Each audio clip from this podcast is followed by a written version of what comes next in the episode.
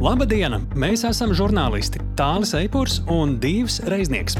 Mūs no sirds interesē, kas notiek Ukrajinā, kā notiekošais tur ietekmē notikumus šeit, kā mēs šeit varam būt noderīgi cilvēkiem tur. Lai labāk izprastu notiekošo, mēs dzenamies pakaļ personīgiem stāstiem, kas iemieso šo eksistenciālo cīņu. Mēs skaidrojam, ko globāla ziņu virsraksts nozīmē šeit, pie mums. Jo Ukraina cīnās ne tikai par savu brīvību. Ukraina šobrīd ir arī mūsu drošinātājs. Esiet sveicināti ar jums kopā drošinātājs tā 48. epizodē. Sveiks, tāli! Esiet sveicināti klausītāji! Es divs! Sveiks, divi! Sveiki, klausītāji, arī no manis! 48. epizode klāt, un šoreiz mēs turpināsim tradīciju ieklausīties arī klausītājos, bet tam divus vairāk pēc brīdiņa pievērsīs uzmanību. Centrālais temats mums būs eh, patiesībā divi vienā, ja tā var teikt. Sarunāsimies ar cilvēku, kurš savu personisko traģēdiju ir spējis likt par pamatu savai tālākai dzīvei, jeb faktiski to izmantot savā un arī citu labā. Proti, dzirdēsiet sarunu ar bijušo Ukraiņas armijas helikopteru pilotu, kuram pēc smaga ievainojuma kaujā tagad dzīve ir jāpavada ratiņkrēslā, un eh, kā viņš to ir pārvērtis labumā sev un citiem, ir, viņš ir kļuvis par psihologu un palīdz tieši smagi ievainotiem ukraiņu karavīriem atgriezties dzīvē, un dažkārt arī rindā armijā. Ar viņu plašāku sarunu gan par to militāro pusi un viņa ievainošanas stāstu diezgan dziļās detaļās, gan arī stāsts par ukraiņu karavīriem, mentālo veselību un vispār Ukraiņas sabiedrības mentālo veselību. To jūs dzirdēsiet šī raidierakstā otrajā pusē. Savukārt Kristīna Bērziņa Vašingtonā satraucas par pasaules līderu un uh, vadošo politiķu mentālo veselību. Kristīna šoreiz tāda bišķi aizkaitināta.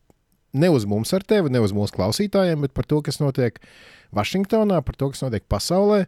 Katrā ziņā ļoti interesanta saruna. Mēs runāsim par uh, to, kā Izraels-Palestīnas karš uh, atņem uzmanību Ukrainai, cik daudz mums uh, būtu jāpievērš uzmanība tam un jātic tam, ka Vācija apņēmusies dubultot palīdzības apjomus Ukrainai nākamajā gadā. Un, ja pagājušajā nedēļā vai aizpagājušajā mums bija viesis, kur ieteica konkrēti klausītājs, tad šajā gadījumā klausītājus savukārt iesaistīsim sarunā ar Kristīnu. Būs jautājums no klausītāja. Ar to arī sāksim. Klausāmies. Divas reiznieks Kristīna Bērziņa.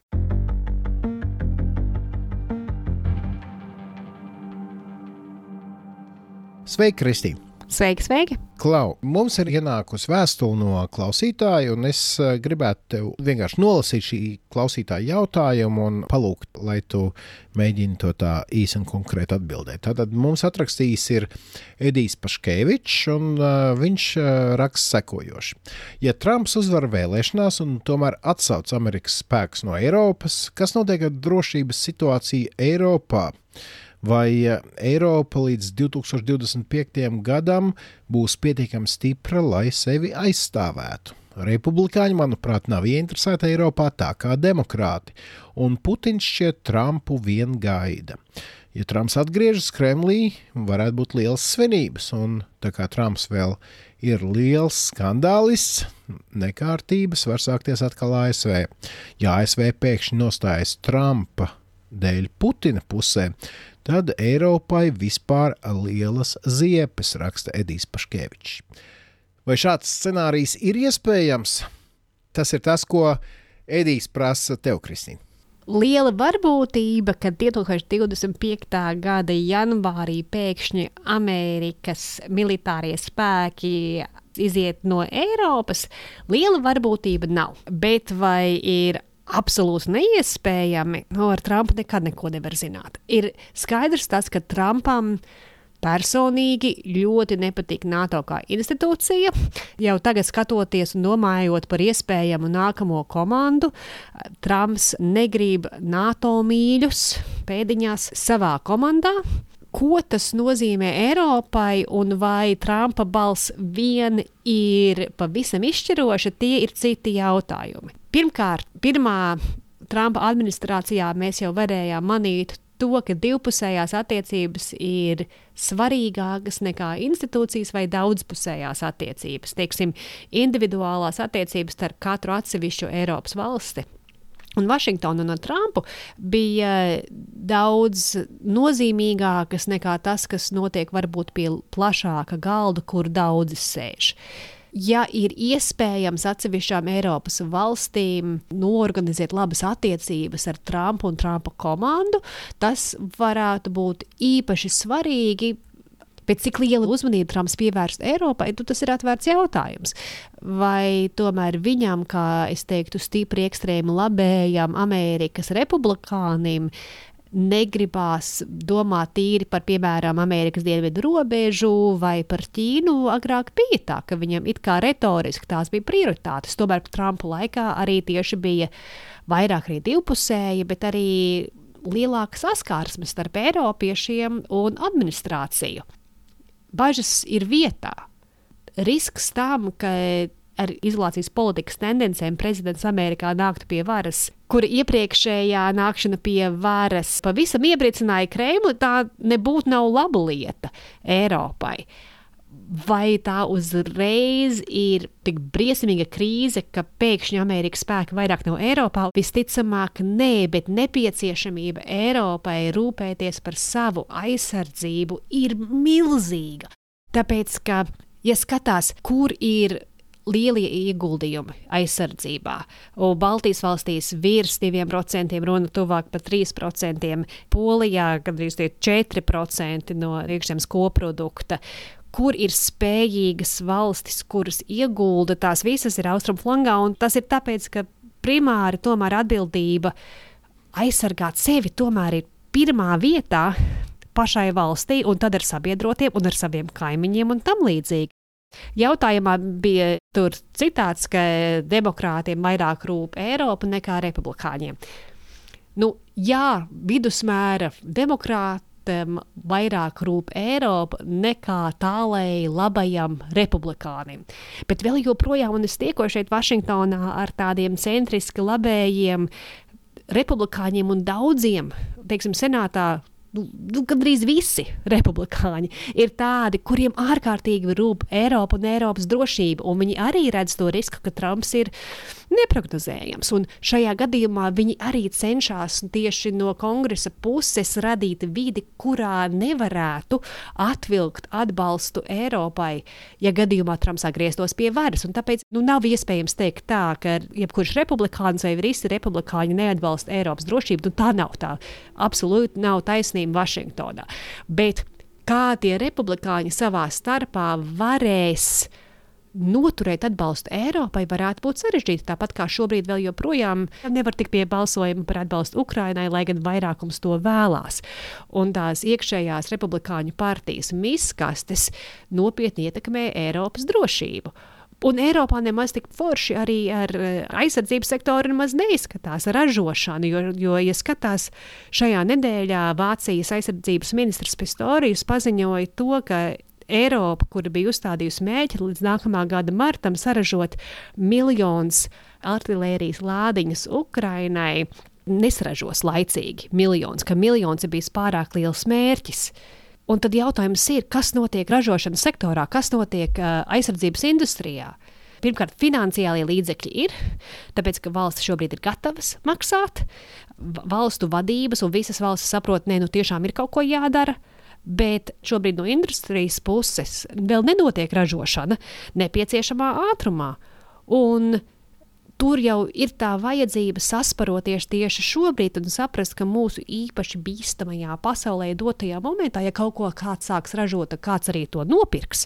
Bet drīzāk industrija ļoti bieži gaida garantiju, ka vēl tagad, 20 gadus uz priekšu, būs absolūti nosakti visi ieguldījumi, un ka tam visam ir jābūt uh, pilnīgi parakstītam, pirms viņi sāks pirkstiņu kustināt. Vismaz šeit, nu, Vašingtonā tā izskatās. Tā problēma ir, ka tos papīra darbus tie, tie, tie ievelkās. Un jāsāk ražot šobrīd. Nevis tāpēc, ka iespējams nāks Trumps, bet tāpēc, ka, ja paskatās uz šo drusku baiso pasauli, ir skaidrs, ka atstāt tukšas noliktavas nav gudri. Mums ir jābūt spējīgiem sevi aizsargāt. Mums ir jāiegulda katrā valstī savā aizsardzībā un ir jābūt spējīgiem saražot un uh, jābūt zinošiem un uztrenētiem pielietotā zināšanas ja nu gadījumā vēl kāds mūs apdraud. Ja mēs būsim gatavi, nu tad nebūs arī neko jādara. Klau, šajā nedēļā interesants ziņas arī no Vācijas. Tu jau pieminēji Pistorius. Vācu laikraksts Bild ziņoja, ka viņu rīcībā esošā informācija liecina, ka Vācija grasās dubultot savu palīdzību Ukrainai nākamajā gadā no 4 uz 8 miljardiem eiro. Tāpat pilnīgi oficiāli Vācijas aizsardzības ministrs Pistorius teica, ka viņu mērķis ir kļūt par atturēšanas mugurkaulu, proti, Vācijas armijas mērķis. Ja? Vai šis ir jāskata kontekstā ar bažām par to, kas varētu notikt Amerikas politikā, vai tas ir kādu citu apsvērumu dēļ? Un paturam arī prātā to, ka pirms aptuveni gada Vācijas um, premjerministrs Šolts um, stāstīja, ka nu, mēs tagad taisīsim lielo, lielās izmaiņas, un mēs tagad nu, kaut ko līdzīgu, to, ko Pistorijus saka, bet tikai tur darbi nesekoja vārdiem. Es šo Pistorijas paziņojumu nesasaistu ar to, kas notiek Vašingtonā, bet sasaistu drīzāk to, kas notiek Eiropā. Ukraiņas jautājums ir aktuāls visvairāk un tieši Eiropā. Un, ja bija skaistie paziņojumi no Šolca par to, ka būs tagad laiku maiņas un būs tagad cita aizsardzības realitāte Vācijā, tad Pistorijus ir bijis tas ministrs, kurš tiešām sāk arī kaut ko darīt lietas labā. Un e, no Eiropas puses tiešām parādīt tādu piemēru, ka tiešām var palīdzēt Ukrainai. Un tas, ka dubultosies tagad tā palīdzība Ukrainai, ir ārkārtīgi labas ziņas par to to, ka Vācija sāk izprast nepieciešamību uzvesties atbildīgi Eiropas drošības jautājumos un nevis vilcināties vai sagaidīt, ka kāds cits par to parūpēsies. Un tas nav Trumpa jautājums, tas ir jautājums par to, ka problēmas ir baigi tuvu Vācijai. Un ka Vācija gadu desmitiem ir izvairījusies no iespējas uzņemties lielāku atbildību daudzos globālajos jautājumos sakarā ar Otrā pasaules kara vēsturi. Tagad tas Otrais pasaules karš ir ārkārtīgi sen. Vācija ir bijusi bagāta un normāla valsts jau stipri ilgi, un e, beidzot Vācija sāk uzvesties tā, kā daudzi jau sen ir gaidījuši, ka Vācija spētu uzvesties visā Eiropā un pasaulē.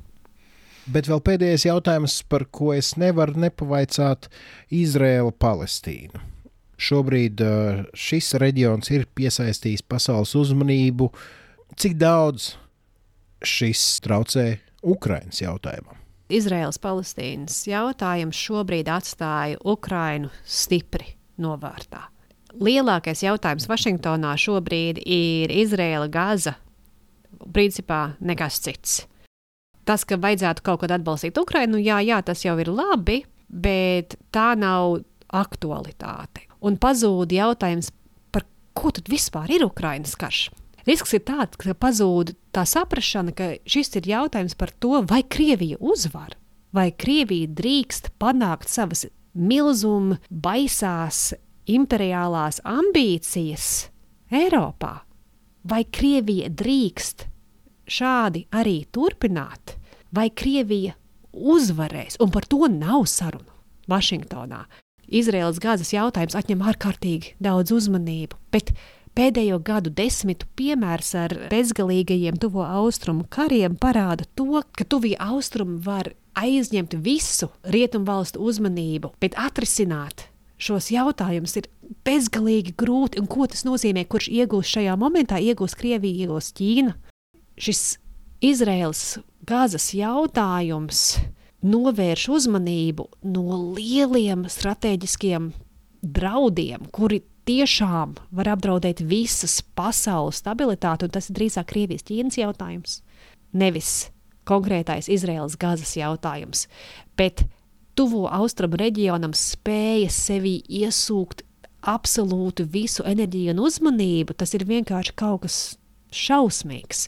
Un ir jācīnās šeit, Vašingtonā un visās galvaspilsētās par to, ka jāpievērš uzmanība vēl joprojām lielajiem Krievijas jautājumiem un tas, ko tas nozīmē Ķīnai. Vai tiešām ir jāatkārto atkal to milzīgu lielo uzmanības pievēršanu reģionam, kurā mēs neesam varējuši neko atrisināt gadu desmitiem? Tajā momentā, kad tieši no tā iegūst Krievija, no tā iegūst Ķīna, kur atbalsta vairāk tieši Hamasa retoriku un, un to pusi. ir jāpadomā par to, kā tomēr noturēt uzmanību visiem jautājumiem vienlaicīgi, kā nepazaudēt to lielo kopbildi. Lai gan, protams, tas, kas notika Izrēlā, tas, kas notiek Gazā, tas ir traģiski. Tas ir no humanitārā viedokļa ārkārtīgi arī tas ir svarīgi. Bet vai tas ir svarīgāk nekā iespēja, ka Krievija varētu uzvarēt? Nē, bet tā saruna šobrīd nenotiek. Paldies, Kristīne, par vielu pārdomām, un sadzirdamies pēc nedēļas. Paldies, un sadzirdamies pēc nedēļas.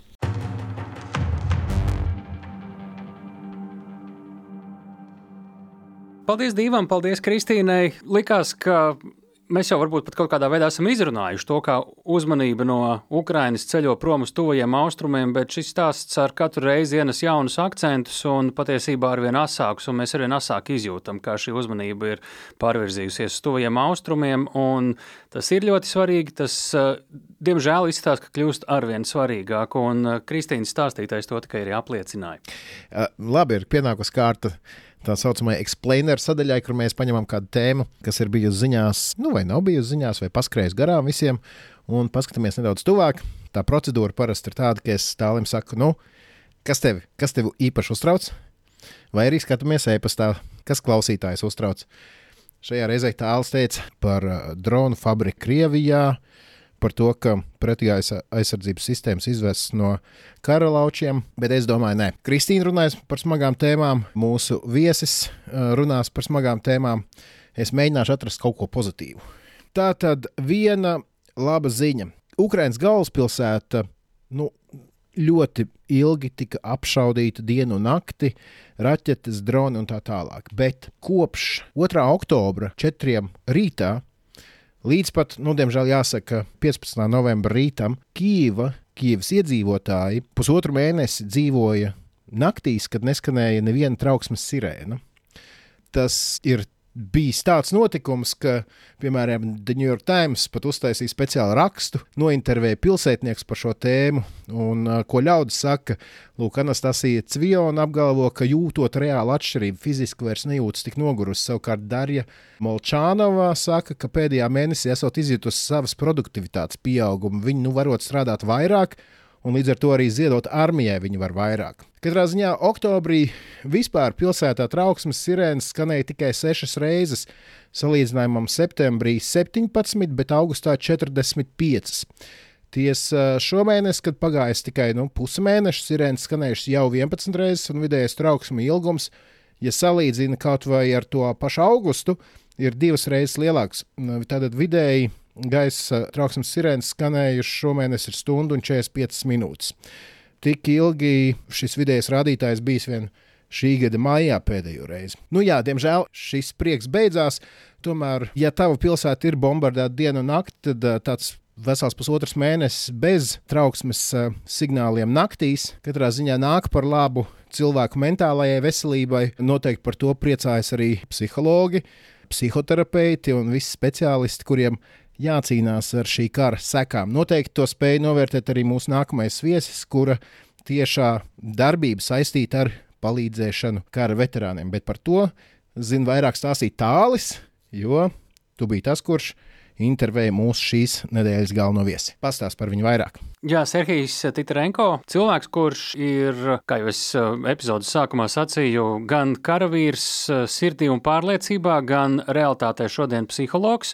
Un, starp citu, jā, tieši sarunā mēs arī pieminēsim to nemitīgo spiedienu psiholoģisko, kas ir Ukrainā, ka tu nezini, kurā brīdī kaut kas var atlidot, eh, un ne tikai Ukrainas austrumu vai ziemeļa austrumu rajonos, bet arī citur tas nu, nav iespējams, ka neatstāja pamatīgu iespaidu uz Ukrāņu sabiedrības prātiem, kur karavīri varbūt ar šo pat eh, mierīgāk tiek galā, bet civiliedzīvotājiem tas ir diezgan drausmīgs mentālās veselības pārbaudījums. Bet Tātad Serhijas Titerenko, viņš ir bijis smagi ievainots, ievainots kaujā, ievainots esot helikoptera viens no pilotiem kaujā. Viņš izstāstīs par to detaļās, un pirmo reizi līdz ar to drošinātājā dzirdēsiet tādu reālu kaujas epizodi no paša sākuma līdz pašām beigām, vissīkākajās detaļās, un, un ne bez mērķa, jo, nu, faktiski tikai tā varbūt arī ir iespējams, vai tas ir viens no veidiem, kā ir iespējams saprast to, cik Fotogrāfiski eh,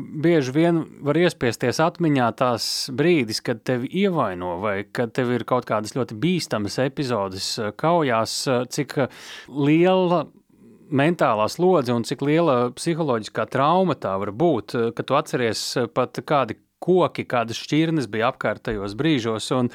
Tas var kļūt arī par tādu neatgriezenisku ievainojumu, ja ar to daudz nestrādā. Un tieši par šo kara traumu un par to, kā to dziedēt un kā atgriezties arī normālā vai normālākā dzīvē, vai varbūt arī atpakaļ ierakumos, būs faktiski šī saruna.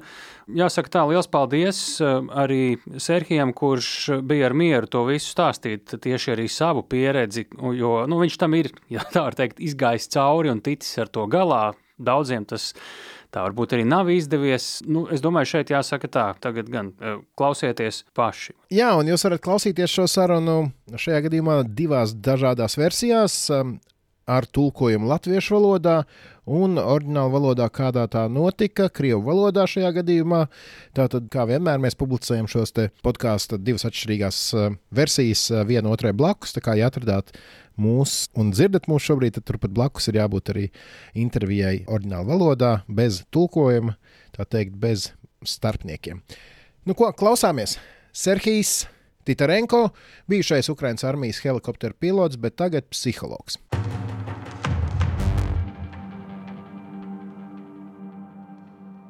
Доброго дня! Labdien! Доброго дня! Labdien! Serhij, Serhij, izstāstiet lūdzu savu stāstu. Izstāstiet par sevi, kas eh, jūs esat un eh, kāds īsumā ir tas jūsu ceļš bijis līdz tam, ko jūs darāt tagad. Что вы теперь делаете? Ага. А, Я ветеран русско-украинской войны. В prošlam kadravai oficer. Esmu Krievijas-Ukrainas kara veterāns. Pagātnē biju profesionālā dienesta virsnieks. Dienestu beidzu 2015. gada sākumā pēc smaga ievainojuma kaujā Ukrainas austrumos. Biju helikoptera pilots, dienestu beidzu majora pakāpē. Pēc ievainojuma sekoja ilgs ceļš ar operācijām un rehabilitāciju. Mans ievainojums man iesēdināja ratiņkrēslā, kurā šobrīd dzīvoju visu laiku, dienu un nakti Кресло, котором я теперь живу 24 на 7, да, и после какого-то этапа реабилитации Было время подумать на... Pēc zināmas rehabilitācijas iziešanas man bija laiks slimnīcas gultā apdomāt dzīvi. Tad es arī izlēmu, ja es tomēr izdzīvošu, tad darīšu visu iespējamo, lai palīdzētu tādiem pašiem cilvēkiem kā es, proti ievainotajiem, kuru dzīve tāpēc pilnībā mainījusies. Соответственно, их жизнь изменилась в корне. И в семнадцатом году я начал изучать психологию, психологию inklīzīvā psiholoģija, tā, tā ir tu, kurai kasājas. 2017. gadā es sāku mācīties psiholoģiju, inkluzīvo psiholoģiju, proti, to, kas strādā ar cilvēkiem ar invaliditāti. 2020. gadā aizstāvēju maģistra darbu psiholoģijā, un nu jau kopš 2019. gada māja strādāju rehabilitācijas centrā cilvēkiem ar invaliditāti. Šobrīd tas ir darbs ar cilvēkiem, kuriem ir kādu ekstremitāšu amputācijas, viena, divas augšējās, apakšējās одной, двух, там, нижних, верхних, неважно. В двух словах. Nu, raskažīt, izstāstiet arī savu stāstu par ievainojumu, stāstu par helikopteri. Kas tur notika? Случилось. Ну, наша бригада, я в ее составе со времени аннексии Крыма Mūsu brigāde kopš Krimas aneksijas brīža tika pārsviesta uz Ukrainas austrumiem, dienvidu austrumiem. Tas bija tad, kad to visu pat vēl nesauc par pretterorismu operāciju, jeb ATO. Toreiz to vēl nekā nesauc. Mēs vienkārši lidojām cīnīties pret agresiju. Mana pirmā rotācija Ukrainas austrumos bija no 8. mārta līdz 15. aprīlim. Tās laikā tad arī sākās antiteroristiskā operācija. Mēnesi vēlāk sākās mana otrā rotācija un ilga līdz 4. jūnijam. Armijām. Todien mums bija kaujas uzdevums. Mēs, divi helikopteri, to agri no rīta arī paveicām. Bija jāiznīcina pretinieks. Kad atgriezāmies uzpildīties, saņēmām jaunu, iepriekš neparedzētu uzdevumu. Atkal divas ekipāžas, es vienā no tām, pilotu pozīcijā. Man jau bija kaujas pieredze miera uzturēšanas misijā Kongo, Demokrātiskajā republikā 2012. gadā. Tur mums bija nedaudz jāpakaro. Un, protams, ka pirmie uz Krievijas agresijas atvairīšanu tika nosūtīti tie, kuriem bija kāda kaujas pieredze. Es tajā skaitā. Нам там пришлось немножко повоевать. Первыми, естественно, на отражение российской агрессии были направлены экипажи, которые уже имели боевой э, опыт, вот, ну и я в том числе. Во время выполнения боевой задачи, вот этой вот, мы вышли в район ведения стрельбы, ведущий экипаж отстрелялся, Uzdevuma laikā mēs nonācām apšaudē. Priekšā lidojošā ekipāža atšaudījās un devās prom no uzdevuma kursa, un mēs to pārņēmām. Uzbrukuma manevra laikā es pamanīju, ka no labās puses pa mums šauj no zenīta raķešu kompleksa. Pirmā raķete tika izšauta pa pirmo helikopteru, bet pamatā trāpīja termoslazdā. Kad mēs veicām manevru, lai sāktu šaut, ieraudzīju, ka no tās pašas vietas nu jau lido raķete uz mums. Ziņoja komandierim, mēs tomēr izlēmām atšaudīties un paveikt uzdoto. Tajā brīdī pa mūsu labās puses dzinēju trāpīja raķete. Nogrāna sprādziens, helikopters sāk haotiski krist. Mēs ar komandieru mēģinājām to kaut kā stabilizēt. Nokritām no 100 metru augstuma, helikopters izšķīda un sprāga. Tas bija pie Slovjanskas. Iegāzāmies tādos kā krūmos, tur bija akācija jaunaudze. To ļoti labi atceros, jo kabīnes stiklam cauri bija izsities akācijas zars. Helikopters bija ciets tik stipri, ka mana kabīne bija pārlūzusi, un es ar visu krēslu biju iekritis lūzuma vietā места. Упали в такую ну, это не посадка, такая и заросли, там кусты, молодняк акации. Я хорошо помню, как блистер мне, ну, остекление кабины пробила акациевая ветка, поэтому я и говорю, что это были заросли акации. Да? Наш вертолет был настолько сильно поврежден, что моя кабина надломилась, и я вместе с креслом как бы провалился в этот разлом в момент падения э, получил сильное повреждение позвоночника, Kritiena brīdī bija guvis nopietnu mugurkaula bojājumu un saviem spēkiem no kabīnes vairs nevarēja izkļūt.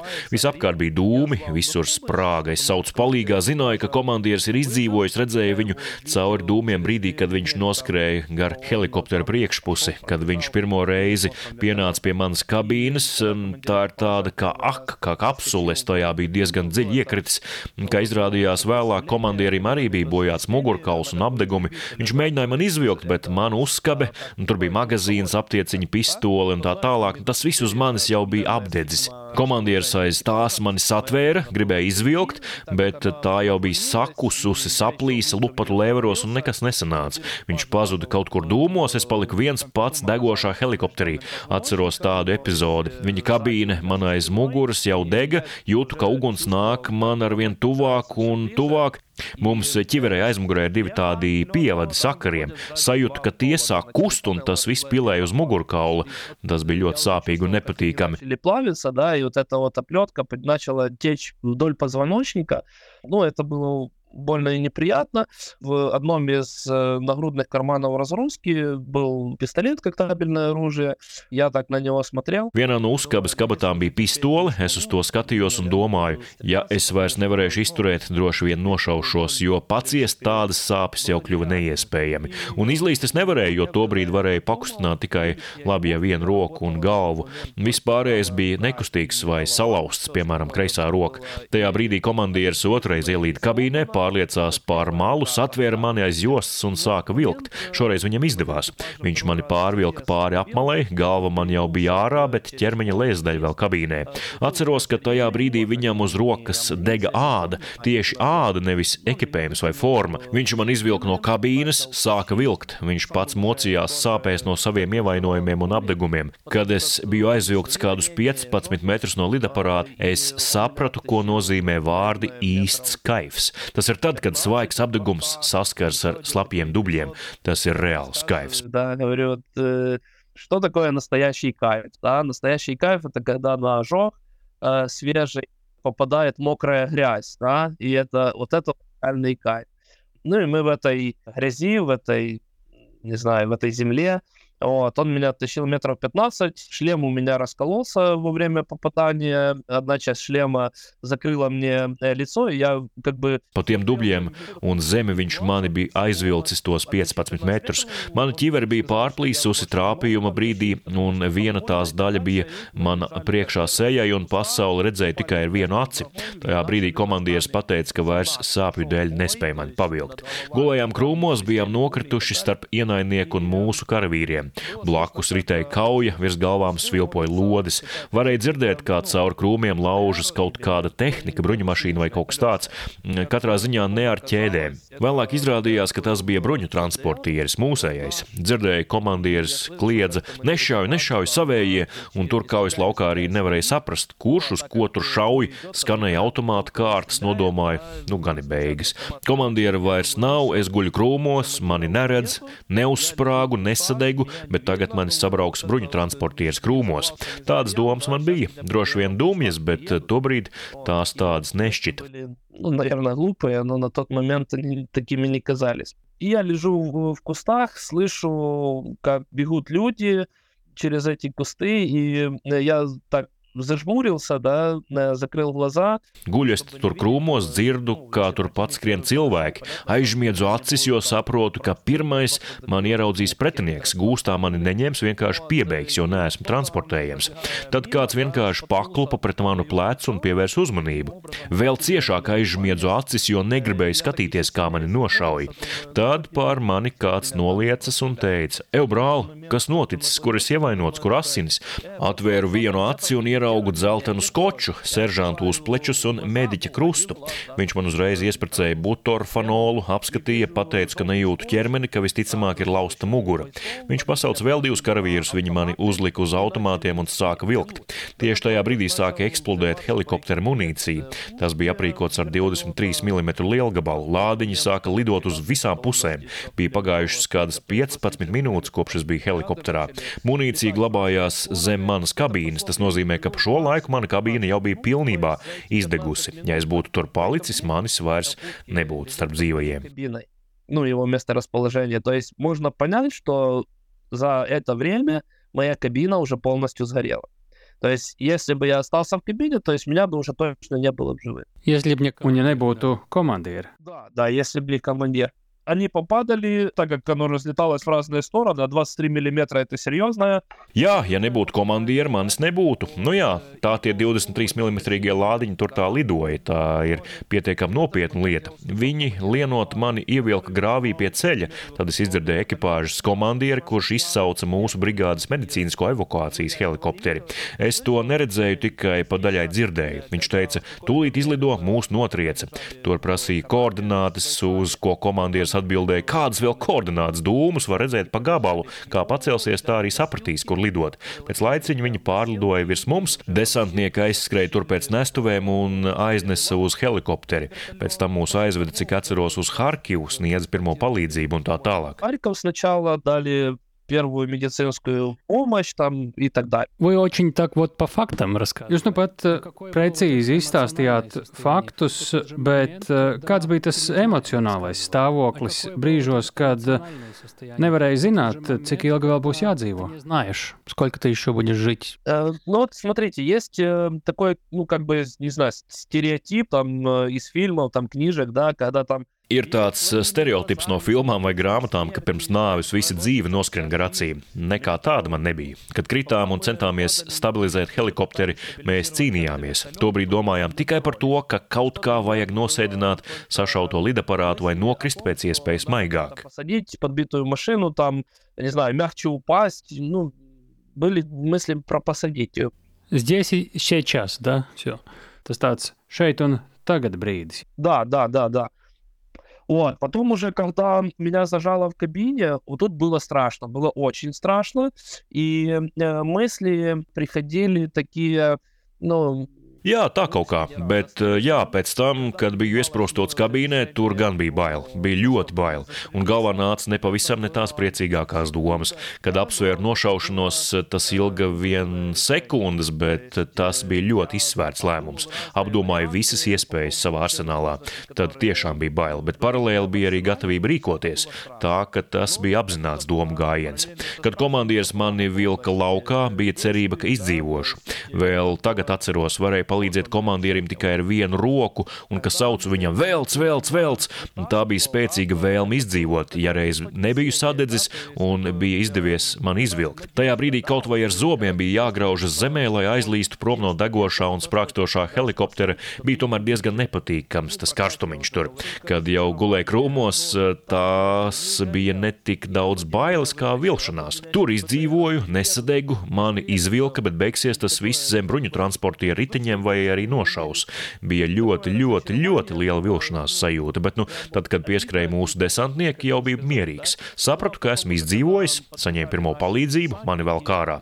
Helikopterī jau biju pilnībā mierīgs. Kad pienāca helikoptera tehniķis no mūsu brigādes, vecāks par mani un noteica: Mazais, mazais, viss būs labi, viss būs labi, mēs tevi tūlīt aizvedīsim uz slimnīcu, tad bija miers un nebija satraukuma вертолета эвакуационного подошел такой, ну, мы же служили в одной бригаде, а он старший по возрасту был, он подходит ко мне такой, малой, малой, малой, да все будет ок, все будет ок, мы сейчас тебя подкинем в госпиталь, все будет ок.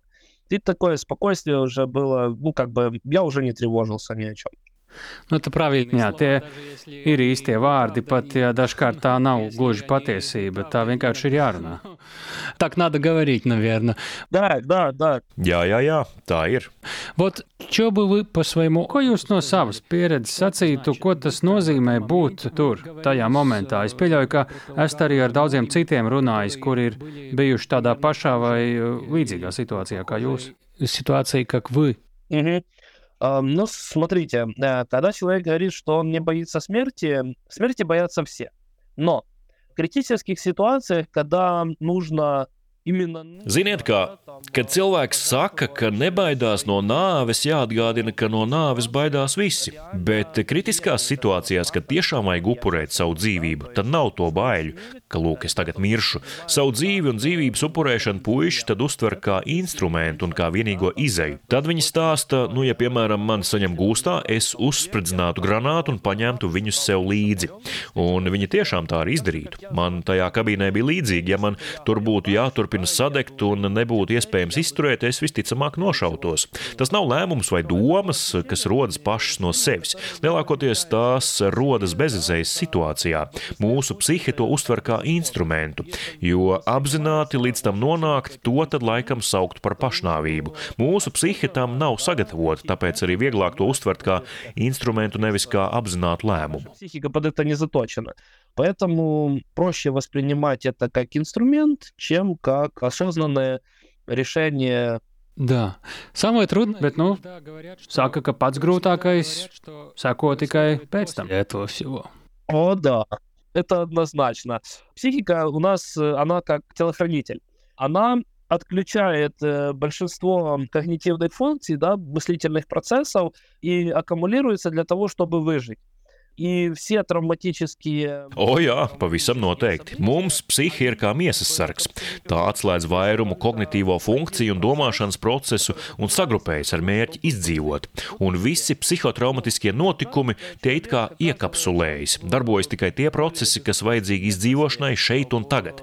Bet, kad cilvēkam vairs liels briesmas nedraud un viņam ir plašāk resursi, mūsu psihe sāk vērt vaļā visas šīs atmiņas. Un bieži var dzirdēt, kā puiši slimnīcās vai rehabilitācijā rehabilitācijas centros vai mājās, viņi man saka, es vairs nevaru izturēt, man iet ciet. Tad, lūk, tas ir tas gadījums, kad mūsu psihi sāk apstrādāt šo traumatisko pieredzi, un tad ar to jau ir grūti tikt galā, jo šie psihiskie aizsarga mehānismi vairs nestrādā, jo vairs nav reāla apdraudējuma. Dažkārt, kad ir traucējumi, tad tur ir vēl dziļāki procesi. Bet kamēr līdz psihiskajiem traucējumiem vēl nav nonākts, tad iedomas, atmiņas rada vēl traumatiskāku efektu uz psihi, uz uz uzvedību, ietekmē emocijas, un ar to tikt galā ir ļoti grūti. Tas viss akumulējas, un puišiem bieži uzmācas vainas sajūta, piemēram, izdzīvojušā efekts un tam līdzīgi. Un tieši šīs traumatiskās pieredzes apstrāde šis ir pats grūtākais posms, zinu to no savas pieredzes. Далее. И именно на этом этапе из практики по собственному опыту это самый тяжелый этап обработки травматического опыта. Mm -hmm. Вы šobrīd jūs strādājat tieši ar tādiem gadījumiem, vai jau ar tādām vēlākām stadijām, kur cilvēkiem jau faktiski jāmācās atrast vietu savā jaunajā dzīvē, vai arī pavisam ko citu jūs tur darāt? Жизни или что-то еще другое? И да, и нет. Почему? Потому что проще сделать какие-то превентивные шаги, да? Jā un nē. Kāpēc? Tāpēc, ka ir ļoti svarīgi pirmos soļus spērt jau pēc iespējas agrāk, lai nākotnē nepieļautu psihisko traucējumu rašanos. Mans uzdevums ir sniegt palīdzību traumatiskās kaujas pieredzes apstrādē un pārdzīvošanā, īpaši jau tad, ja ir ievainojums.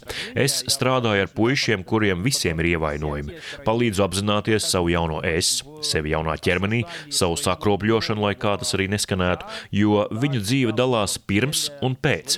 Es par sevi kādreiz pus pa jokam, pus nopietni stāstu, ka biju gara auguma zilacains gaišs matis, bet tagad esmu kaut kas ratiņos. Šīs domas apzināšanās un apstrāde var aizņemt ļoti ilgu laiku un prasīt ļoti daudz spēka. Ar to tad es arī strādāju, bet diemžēl, diemžēl mūsu sabiedrībā pagaidām nav šīs kultūras strādāt ar psihiskās veselības speciālistiem. Daudzi nesaprot, ka labāk darbu pie sava psihiskā stāvokļa ir sākt agrāk nekā pēc tam tas atspēlēsies desmitkārtīgi. раньше начать работу над этим, да, над своим психологическим, психическим состоянием, чем потом оно вылезет там в десятикратном размере и так далее.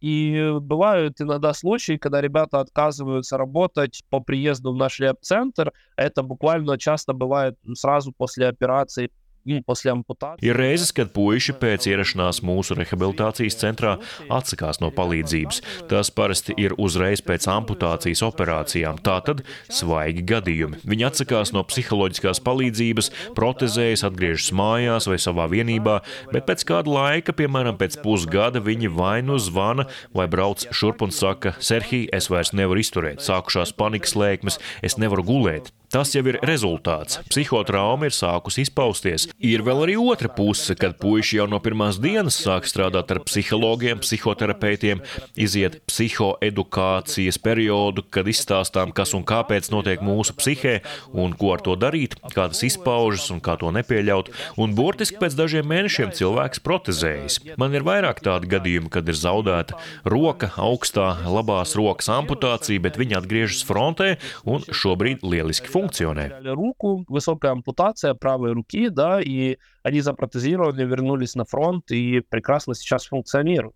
Да, вот, jā, tāpēc es nereiz vien esmu sajūtis, ka tie, kuri ir ievainoti, joprojām atrodas rehabilitācijās un līdzīgi, ka viņi izstaro tādu kā depresīvu fonu, tādu kā nedaudz aizvainojumu uz visu pasauli, un tā skaitā speciālistiem, kas ar viņiem strādā. Nu, saka, kāpēc mums tur vēl kāds iedomājas nepalīdzēt? Es ko tādu esmu novērojis. Jā, такого наблюдал. это не столько депрессивный, потому что депрессия это уже как расстройство, да, как диагноз можно рассматривать. Это больше про апатию и э, еще один такой аспект это обостренное чувство Tā nav tik daudz depresija, kas jau būtu kā traucējums vai diagnoze. Te vairāk runa ir par apātiju, un turklāt nāk vēl arī sāsnāta taisnīguma izjūta. Tā ir visiem veterāniem neatkarīgi no tā, vai viņi ir ievainoti vai nav. Tie, kur ir piedalījušies kaujās, visticamāk būs ar šo sāsnāto taisnīgumu izjūtu. Tas, ko jūs sakāt, ir tieši šīs sajūtas izpausme, jo karā viss ir skaidrs. Tu viņu vai viņš tevi.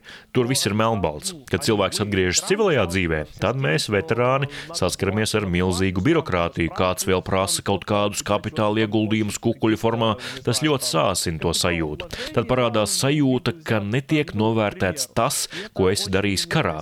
Un tad daudzi saka, sasodīts, es taču par jums karoju, kamēr jūs te sēdējāt, un tagad jūs man sakāt, ka es kaut ko neesmu izdarījis vai atnesis. Tā ir reāla nenovērtēšanas sajūta Es pats 2016. gada beigās izgāju šo posmu. Visa to invaliditātes dokumentu un citu lietu kārtošana ir kā septiņi elles loki. Tagad gan šī situācija ar katru dienu uzlabojas, bet joprojām saglabājas cilvēciskais faktors. Joprojām jāsastop postpadomju dzīves izpratne, un tad ir sarežģīti. Сейчас ситуация становится с каждым днем лучше, но человеческий фактор все равно остается, вот эти вот постсоветские понимания жизни, да, оно еще никуда не делось, и с этим сложно все. Можно ли сказать, что психологи, vai mēs varam teikt, ka psihologi un kolēģi ar savu atbalstu un darbu var tiešāk vai netiešāk ietekmēt to, kas un kā notiek frontē? этого пазл всего. Я считаю, что однозначно может. Единственная как бы преграда к реализации этой помощи – это желание клиента. Es domāju, ka noteikti var ietekmēt. Vienīgais šķērslis tam ir paša klienta, paša karavīra vēlme saņemt šo palīdzību. Ja šī vēlēšanās nav un ir pretestība, tad pat vislabākais psihologs vai psihoterapeits nespēs sniegt atbilstošu palīdzību tikai tāpēc vien, ka viņu neviens neņems nopietni. Bet, ja ir vēlēšanās, tad ir lieliski, ka viņi nāk pēc pašu iniciatīvas. Tad arī darbs veidojas pavisam citādāk un ir daudz labāki rezultāti. Собственной инициативе, да, Тогда и работа совсем по-другому строится, и результаты значительно лучше, значительно выше. Ваш пример pieminējāt, piemēram, ar puisi, kurš atgriezās frontē un atkal tai bija gatavs. Вот. Готовы практически все, и все говорят, я пришел тут быстренько, дайте мне протез, я побежал к своим пацанам, потому что они там без меня не могут, да? No, сожалению... Gatavi atgriezties ir praktiski visi. Viņi saka, es te tikai uz brīdi uzlieciet man protēzi un man jāskan atpakaļ pie saviem bērniem, jo viņi tur bez manis nevar. Bet, diemžēl, viena no psihologa darba sastāvdaļām ir likt pacientam, veterānam saprast, ka var notikt tā, ka tevi atpakaļ neņems, ņemot vērā tavu invaliditāti. To gadījumu, kad kādu paņem atpakaļ dienestā un ne obligāti uz pirmajām rindām, nav daudz. Tie pat nav ne tuvu 50%. Labākajā gadījumā tie varētu būt būt kādi 20%, bet visiem pārējiem, kuri grib atpakaļ, bet veselības dēļ viņus neņem, to vajag pareizi izstāstīt. Viņiem tas ir jāsaprot un galvenais jāpieņem. Tā ir ļoti liela daļa no psihologa darba. Tas var būt ļoti sāpīgi. Es pats toreiz arī biju ne tik daudz noskumis un neapmierināts par to, ka man pateica, ka nevarēšu staigāt, bet gan pat līdz asarām un kamolam kaklā bija brīdī, kad man pateica, ka es pilnībā esmu atvaļināts no bruņotajiem spēkiem. Сколько было обидно вот именно до слез, до такой, до комка в горле, когда мне сказали, что я уволен из э, sastāvā вооруженных сил полностью. Это же была, tā bija taču ļoti svarīga un liela jūsu dzīves daļа. Большая часть. 14 лет в форме. 14 gadi formā. Man nemaz citas dzīves nebija. Man, mans darbs patika. Es, ja tā var teikt, no tā pavilkos un kaifoju. Tas bija mans mērķis un mans dzīves darbs. Un tad vienā brīdī tev pasaka, ka esi nekas. И тут тебе говорят, что все, ты, ты, ты никто. Ну да, И вы начали уже это предложение. Jūs jau nedaudz pieminējāt, ka sarunājaties ar tiem, kuri ir tur frontē, pelēkajās nulles zonās. Jūsu bijušie klienti, kuri jums, nezinu, zvana, raksta, которые, вот, не знаю, звонит вам, пишет вам. Есть у меня пару ребят, мы с ними знакомы еще с АТО, то есть еще с 14-15 года. Потом э, они были демобилизированы, и мы были в одной ветеранской группе, и они сейчас при полномасштабном вторжении, они снова mobilizировались и пошли на... Jā, man ir daži puiši, ko pazīstu jau no ATO laikiem, tas ir jau no 2014. 15. gada. Pēc tam viņus demobilizēja, un mēs bijām vienā veterānu grupā, bet pēc iebrukuma viņi atkal mobilizējās un devās uz kaujas zonām. Un gadās, ka nakts vidū ap kādiem pulksten trijiem zvana un saka, Sera, ja es ar tevi tūlīt nevarēšu parunāt, tad sasodīts ir beigas.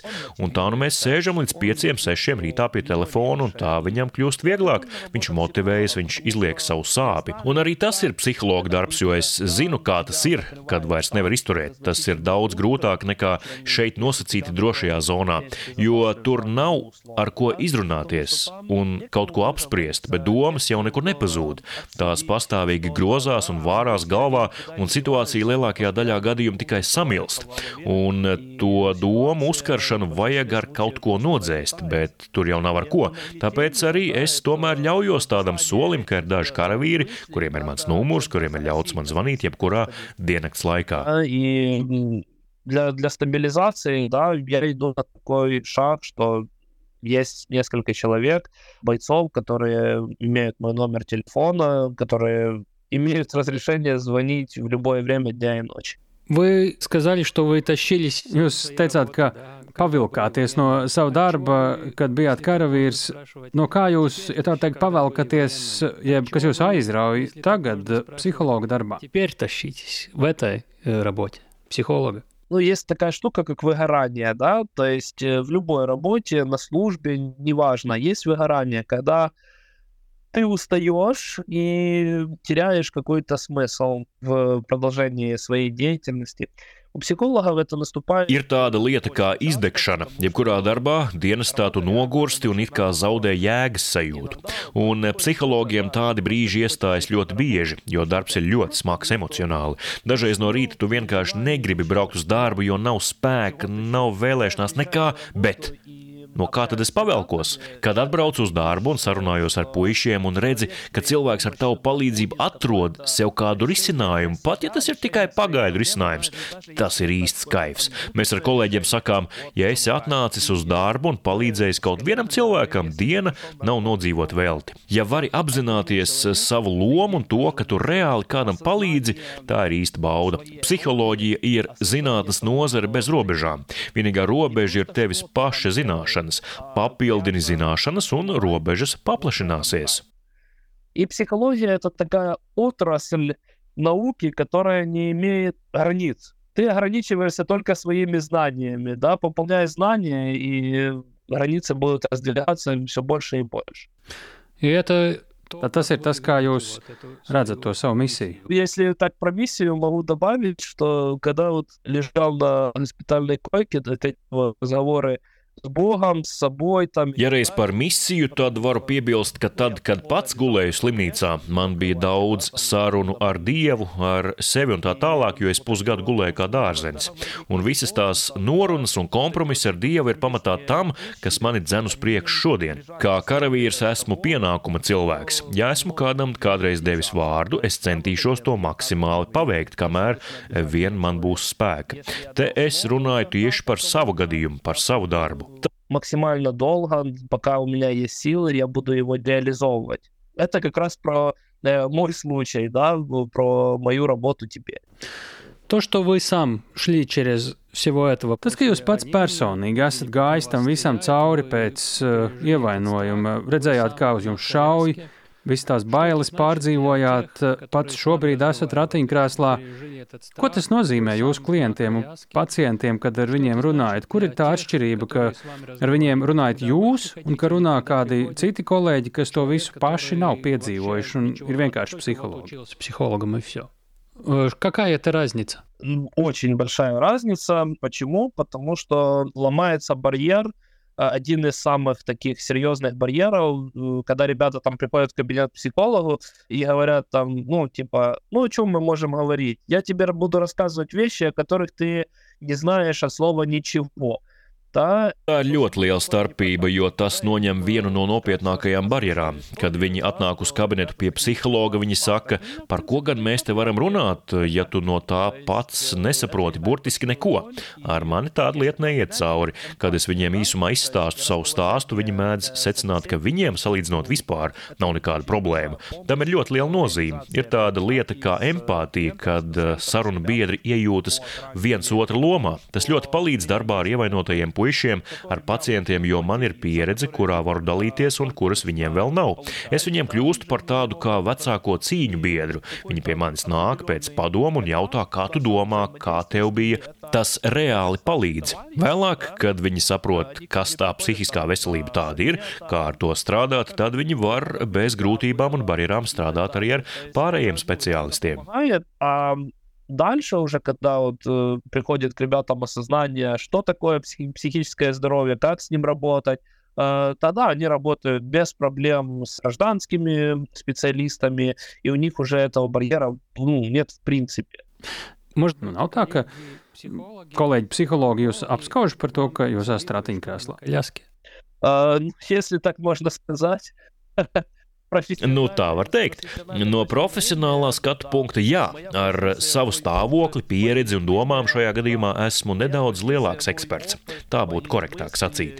Bet, jā, ja kāds ir draugos ar melno humoru, tad šeit tādam var atrast vietu. Корректнее сказать, да? Да, да. Кто понимает черный юмор, то да, она имеет место быть. Мы видим, что страны, которые хотят помогать, делают. Mēs redzam, ka valstis, kuras vēlas palīdzēt, dara visu iespējamo, lai sniegtu arī psiholoģisko un medicīnisko palīdzību. Un es pieļauju, ka Ukrainā karavīru, kam vajag šādu palīdzību, it īpaši par psiholoģisko runājot, ir daudzkārt vairāk nekā jums tur uz vietas ir psihologu. Kāda ir šī situācija Ukrainā? Вот столько, сколько у вас есть. Вот какая это ситуация, как бы вы характеризовали? Однозначно помощь стран-партнеров это колоссальная помощь, без всяких там заигрываний, да, самостоятельно справиться с э, такой мощной агрессией было бы в десятки раз сложнее. А если брать э, психологический аспект, э, то Pavisam noteikti partneru valstu palīdzība ir nepārvērtējama bez nekādiem pārspīlējumiem. Patstāvīgi tikt galā ar tik spēcīgu agresiju mums būtu desmitiem reižu grūtāk. Ja skatāmies tieši uz psiholoģisko aspektu, tad šī joma Ukrainā attīstās. Kopš 2014. gada bijis ļoti daudz psihiskās veselības speciālistu apmācību programmu. Es pats nereiz vien esmu mācījies pie kolēģiem no Izraēlas vai Savienotajām valstīm, Ungārijas, no Baltijas valstīm. Mums mācīja dažādu metodiku, procesuālās lietas un psiholoģiskās palīdzības sniegšanu. Psihologu Ukrainā kļūst arvien vairāk. Mēs, protams, darba gaitā uzsitām paši savus pūnus, jo visu zināt vai visam būt gataviem nav iespējams. Bet Ukrainas vidienē mēs iegūstam pieredzi, kurā jau paši varam dalīties ar ārvalstu kolēģiem. Notiek daudz kopīgu konferenču un sanāksmju, un tur jau mūs varbūt mazāk māca, bet gan mēs apspriežam savu pieredzi kā līdzīgs ar līdzīgu ar kolēģiem kolēģiem no valstīm, kuru pieredze ir krietni senāka.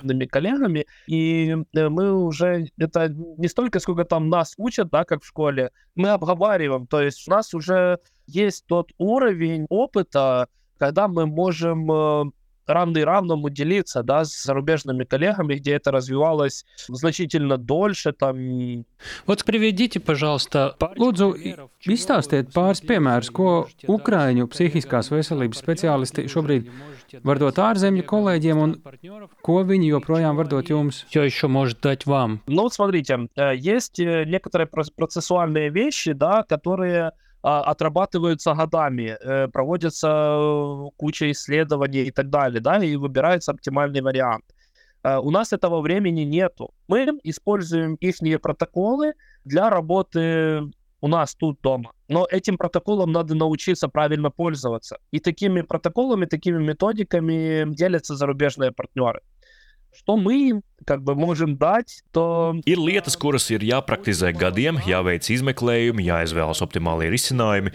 Mums šī laika nav. Mēs šeit izmantojam viņu algoritmus, bet ar tiem ir jāmāk pareizi strādāt. To viņi mums var dot. Ko mēs varam dot? Ir ļoti maz valstu, kas pētījumos kara psiholoģijā var izmantot pieredzi no kara darbības savā teritorijā. Tas ir ļoti svarīgs aspekts. Tas atstāja ļoti spēcīgu ietekmi uz uztveri, uz reakciju, uz emocijām, uz motivāciju. Ar šo savu pieredzi mēs dalāmies ar saviem ārvalstu partneriem. Viņiem ir bijusi pieredze ar kāru citās zemēs, kā piemēram amerikāņiem, ar kāru Irākā, taču tā ir pavisam cita pieeja, cita motivācija un līdz ar to arī cita psihes un sabiedrības reakcija. Jo karavīru nevar aplūkot atrauti no visa pārējā. Viņš darbojas noteiktā kontekstā, kur liela loma ir sabiedrībai ap viņu.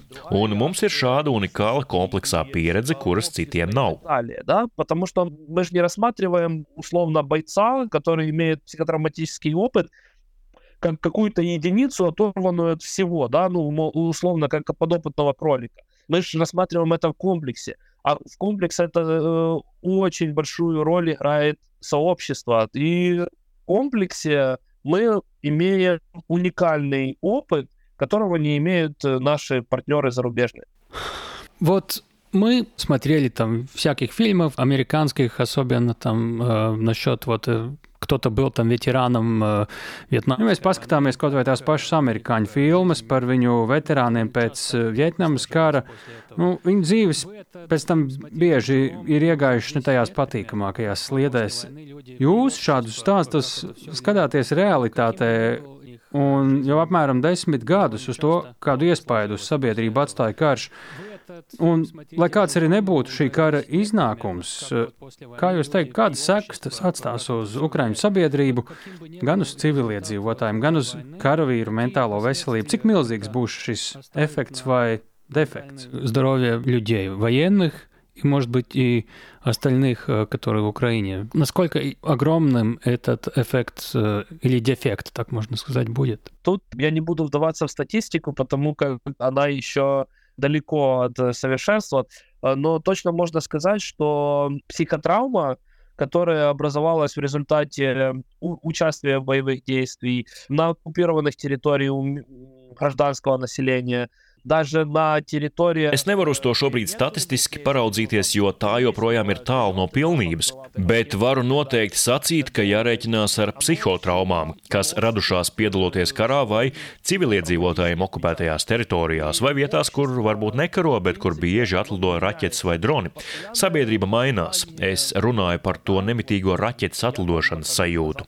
Es, piemēram, dzīvoju Ukrainas rietumos, arī man tūmā vairāk reizes tādas raķetes ir atlidojušas. Tas iedzīvotājs tur tādā kā mobilizētā stāvoklī, un tas ir stress, kam piemīt īpašība uzkrāties. Un mūsu sabiedrībā tas jau ir sakrājies līdz kritiskajai robežai. Daudzi ārvalstu speciālisti brīnās, cik liels ir mūsu iekšējais resurs, lai šo stresu vispār pārdzīvotu. До критической такой точки, да, многие специалисты вот, зарубежные, они удивляются, насколько у нас есть много внутреннего ресурса для того, чтобы переживать этот э, накопившийся стресс. Но придет момент, когда будет победа наша, естественно, общество условно расслабится. Не все напрягались, скаж- скажем так, да, но это будет такое обобщенное расслабление. И вот тогда последствия этого накопившегося стресса, они будут условно вылазить наружу, да. Bet brīdī, kad pienāks uzvara, mūsu, protams, sabiedrība nosacīti atslābināsies. Tikai tad sāks parādīties šī uzkrātā stresa sekas. Ja ar karavīriem šie procesi ir vairāk vai mazāk saprotami, tad civiliedzīvotājiem variantu, kā tas var izpausties, būs tik daudz, ka psihologiem darba būs nu ļoti daudz. Jau tagad ir daudz darāmā, bet būs vēl daudzkārt vairāk. Ja mēs laikus visu to traumatisko pieredzi apstrādāsim un pārdzīvosim un izdarīsim pareizos secinājumus, tad viss būs kārtībā. Ja nē, manuprāt, situācija būs diezgan skumja. Tur parādīsies kaut kas degradējošs. да, то тогда будет все окей.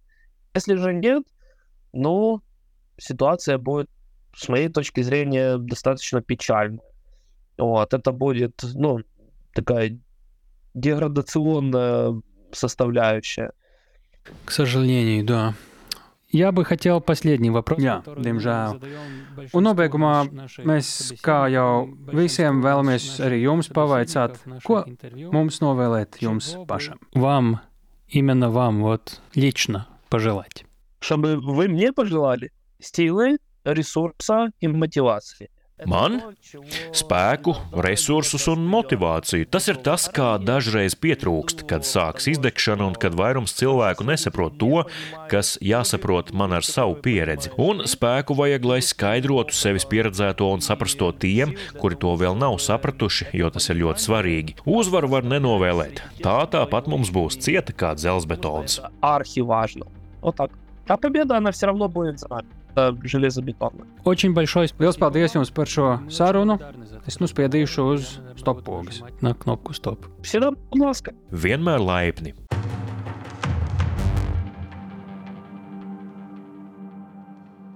Paldies Tālim, paldies Serhijam, Titarenko, bijušajam pilotam, šobrīd psihologam, cilvēkam, kurš ļoti atklāti Tālim izstāstīja savu dzīves gājumu, kauju pieredzi un savu jauno dzīvi. Atkal jau vielu pārdomām, paldies Tāli! Jā. Paldies Serhijam, paldies Serhijam, un paldies arī tiešām par to. Man ar to bija jārēķinās, bet es nu, tīri cilvēcīgi dabūju arī to izbrīnu sajūtu, klausoties, ko viņš stāsta, kā vienbrīd runā ar mani pilnīgs karavīrs, un uh, pēc burtiski dažām minūtēm ar mani runā profesionāls, uh, labi izglītots psihologs. Un, manuprāt, šādi cilvēki ir zelta vērtē Ukrainā, jo paši dzirdējāt, kā viņš ar tādu melno humoriņu nopriecājās, ka citi psihologi viņu apskauž, cik viņam ir tāds tiešā pieeja pie kolēģiem, karavīriem. Uh, jā, nu, viņš šajā gadījumā strādā Haličīnas rehabilitācijas centrā, tur strādā ar karavīriem, un arī viņš mums sagādāja vienu vienu otru eh, bildi gan no šī rehabilitācijas centra, gan arī no epizodēm, kas ir vēl bijušas pirms viņa ievainojuma, kur redzēt, kā viņš pats teica, kāds viņš ir bijis stalts, gaišmetains, zilacains puisis, un arī, protams, kāds viņš tagad ir speciālists ratiņkrēslā, čakli strādājot. Skatīsimies, ko LSMLV izvēlēsies, eh, lai parādītu arī jums, bet gaidiet, LSMLV būs arī šī intervija vēlties vai nu izlasīt, nevis visu klausīties vai padalīties ar kādu, tad LSMLV arī latviešu valodā šī saruna būs pieejama un meklējiet to rokā. Nu jā, un uh, savukārt neliels āķi iemetiens nākamajā nedēļā jau arī nākamnedēļ runāsim ar ārstu, bet šoreiz zobārstu. Un te jau būs pavisam cits stāsts, jo mēs runāsim ar zobārstu no Odesas, kuram ir sava privātā zobārstniecības klīnika, dzīvo labi un tā tālāk, bet jau kopš 15. gada Viņi ar kolēģiem brauc uz piefrontes zonu un labo karavīriem zobus bez maksas. Viņi jau ir uztaisījuši divus savus mobīlos kabinetus. Sākumā viņiem tāda nebija. Sākumā viņi vienkārši meklēja telpas. Nu, tur interesanti būs. Tur būs gan par to, kā armijas priekšnieki sākumā šos negribēja laist pat 22. gadā. Jo tur neticēja, ko tādu privātie zobārstniecības klīnikas darbinieki grib frontē. Pēc tam viņš arī pastāstīs, kā Vīri, kuri frontē var izskriet vienu pret tanku, pārvēršas pilnīgi, kad viņiem jāsēž zobārsta uzgaidāmajā telpā. Jā. Tā kā jā, būs interesanti stāsti arī no dzīves un, un tā, bet tas nākamajā nedēļā. Tas nākamajā nedēļā. Tagad viss. Nu, mums vēl ir jāpasaka paldies tiem Rakstiet klausītājiem, kuri mums jau ir rakstījuši, un jāaicina rakstīt arī tiem pašiem vai citiem klausītājiem. Atcerieties, e-pasts drošinātājs at Latvijas radio LV, mēs to rūpīgi skatāmies. Kristīnai arī aiziet jautājumi, kā jūs tikko dzirdējāt pirms eh, kādām minūtēm, un eh, mēs uz tiem atbildam. Un, Laipni lūgti drošinātāju veidotāju pulkā. Meklējiet arī mūsu sociālajos tīklos, vai nu tīklā X vai kaut kur citur. Tāls e-pors divas reiznieks tur ar, abi divi ir atrodami, un mēs ar prieku arī reaģējam. Tieši tā. Tā kā, ja jūs mūs klausāties tik līdz iznākam ēteros, tad es teikšu jums uz sadzirdēšanos pēc nedēļas. Ja jums labāk tīk klausīties raidieraksta epizodes vienu pēc otras, tad es teikšu paldies par uzmanību un tiekamies jau pēc minūtītes nākamajā epizodē. Nu jā, es starp citu, mēs diezgan reti raidieraksta epizodēs atgādinām, ka mēs taču skanam arī ēterā, radio, Latvijas radio viens ēterā, ja jums ir kādi radi draugi un kuri varbūt, nu, nav tie raidierakstu klausītāji kaut kur telefonos, kas radio tieši FM klausās, nu tad, jā, katru ceturtdienu 16.45 un arī 23.15. Tur var dzirdēt tieši sarunu ar Kristīnu Bērziņu. Un, uh, tur ir varbūt nedaudz mazākā podkāstā, kā podkāstu klausītāji vai raidierakstu klausītāji ir drusciņi vinētāji, bet uh, jebkurā gadījumā tā arī ir versija, kādā mūs var satikt. Nu, ja, vienalga, kā klausāties, paldies, ka klausāties un uz sadzirdēšanos. Un atcerieties, ka drošinātājs tas ir skaidri un personīgi par karu Ukrajinā.